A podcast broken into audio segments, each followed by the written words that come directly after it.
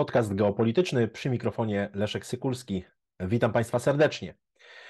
Filipiny zacieśniają relacje ze Stanami Zjednoczonymi.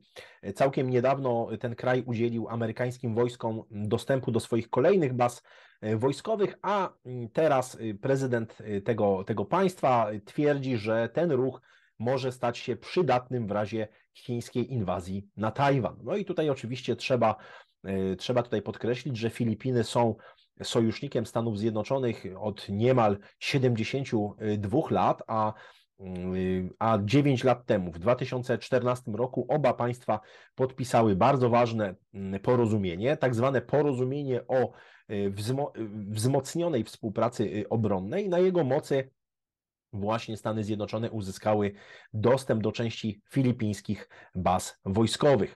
W lutym bieżącego roku podpisano kolejne mm, porozumienie, które dało mm, Amerykanom dostęp do kolejnych czterech baz na Filipinach.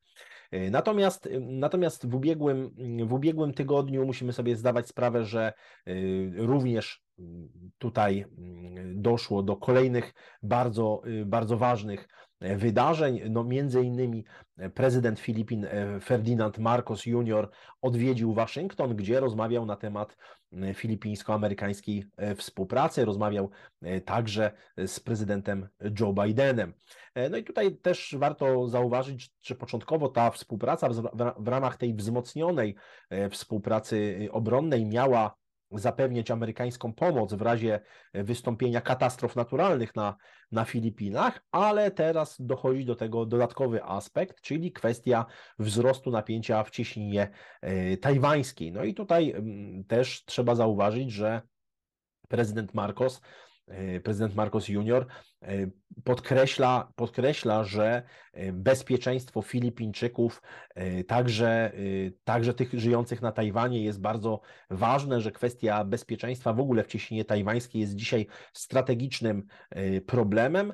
No i strategicznym wyzwaniem w ogóle też dla Filipin. No i E, te bazy wojskowe amerykańskie, które działają w ramach mm, umowy amerykańsko-filipińskiej, miałyby się także okazać przydatne, gdyby doszło do e, inwazji Chińskiej Republiki Ludowej na Tajwan. To jest bardzo ważna wypowiedź, ponieważ musimy sobie zdawać sprawę, że mm, Filipiny od czasu właściwie prac Alfreda Mahana, czyli można powiedzieć ojca amerykańskiej geostrategii, mm, no stanowią jeden z bardzo kluczowych, newralgicznych takich obszarów y, na tej mapie geostrategicznej Stanów Zjednoczonych. Zresztą Alfred Mahan mm, w swoich pracach wyraźnie zaznaczał, że kontrola nad Filipinami y, to jest jeden z elementów y, utrzymywania mocarstwowej pozycji Stanów Zjednoczonych. No i nie dziwi oczywiście fakt, że od blisko 72 lat Filipiny są tym sta sojusznikiem Stanów, Stanów Zjednoczonych. Y, też trzeba y, wspomnieć o tym, że w tym roku, zgodnie z decyzją władz y, w Manili, Filipiny mają dołączyć do Stanów Zjednoczonych, do Australii, do Japonii i do Korei Południowej, czyli do tych państw, które patrolują wody Morza Południowo-Chińskiego. No oraz też bardzo ważna zapowiedź, tutaj prezydent Marcos wspomniał o tym, że rozważane jest zawarcie trójstronnego porozumienia obronnego USA, Japonia, Filipiny. To niewątpliwie bardzo ważna, ważna zapowiedź. Y, tu y, oczywiście ta filipińska współpraca ze Stanami Zjednoczonymi niewątpliwie może budzić obawy mm, o stosunki z Chinami, które są przecież największym partnerem gospodarczym e, Filipin. No i też trzeba jasno powiedzieć, że amerykańsko-filipińska umowa z lutego bieżącego roku bardzo nie spodobała się w Pekinie, który uznał to za działania podsycające napięcia y, w regionie. No, tutaj prezydent Marcos y, twierdzi, że rozmawiał na ten temat z chińskim ministrem spraw zagranicznych, że miał go zapewniać, że ta współpraca w ramach tej wzmocnionej współpracy obronnej ze Stanami Zjednoczonymi ma służyć jedynie celom obronnym, no ale widzimy podobne ruchy podejmowane w regionie, nie tylko zresztą przez e, Filipiny, ale także przez e, Australię. Także wspominałem wielokrotnie o tym zacieśnianiu relacji E, relacji mm, właśnie australijsko-amerykańskich czy australijsko-brytyjskich.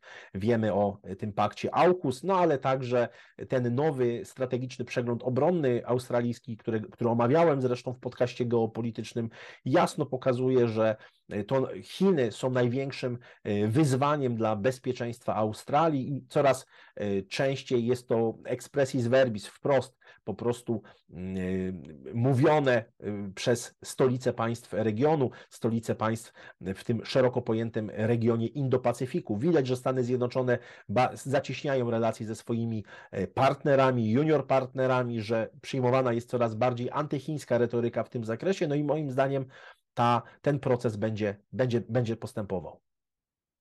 Dziękuję Państwu za uwagę.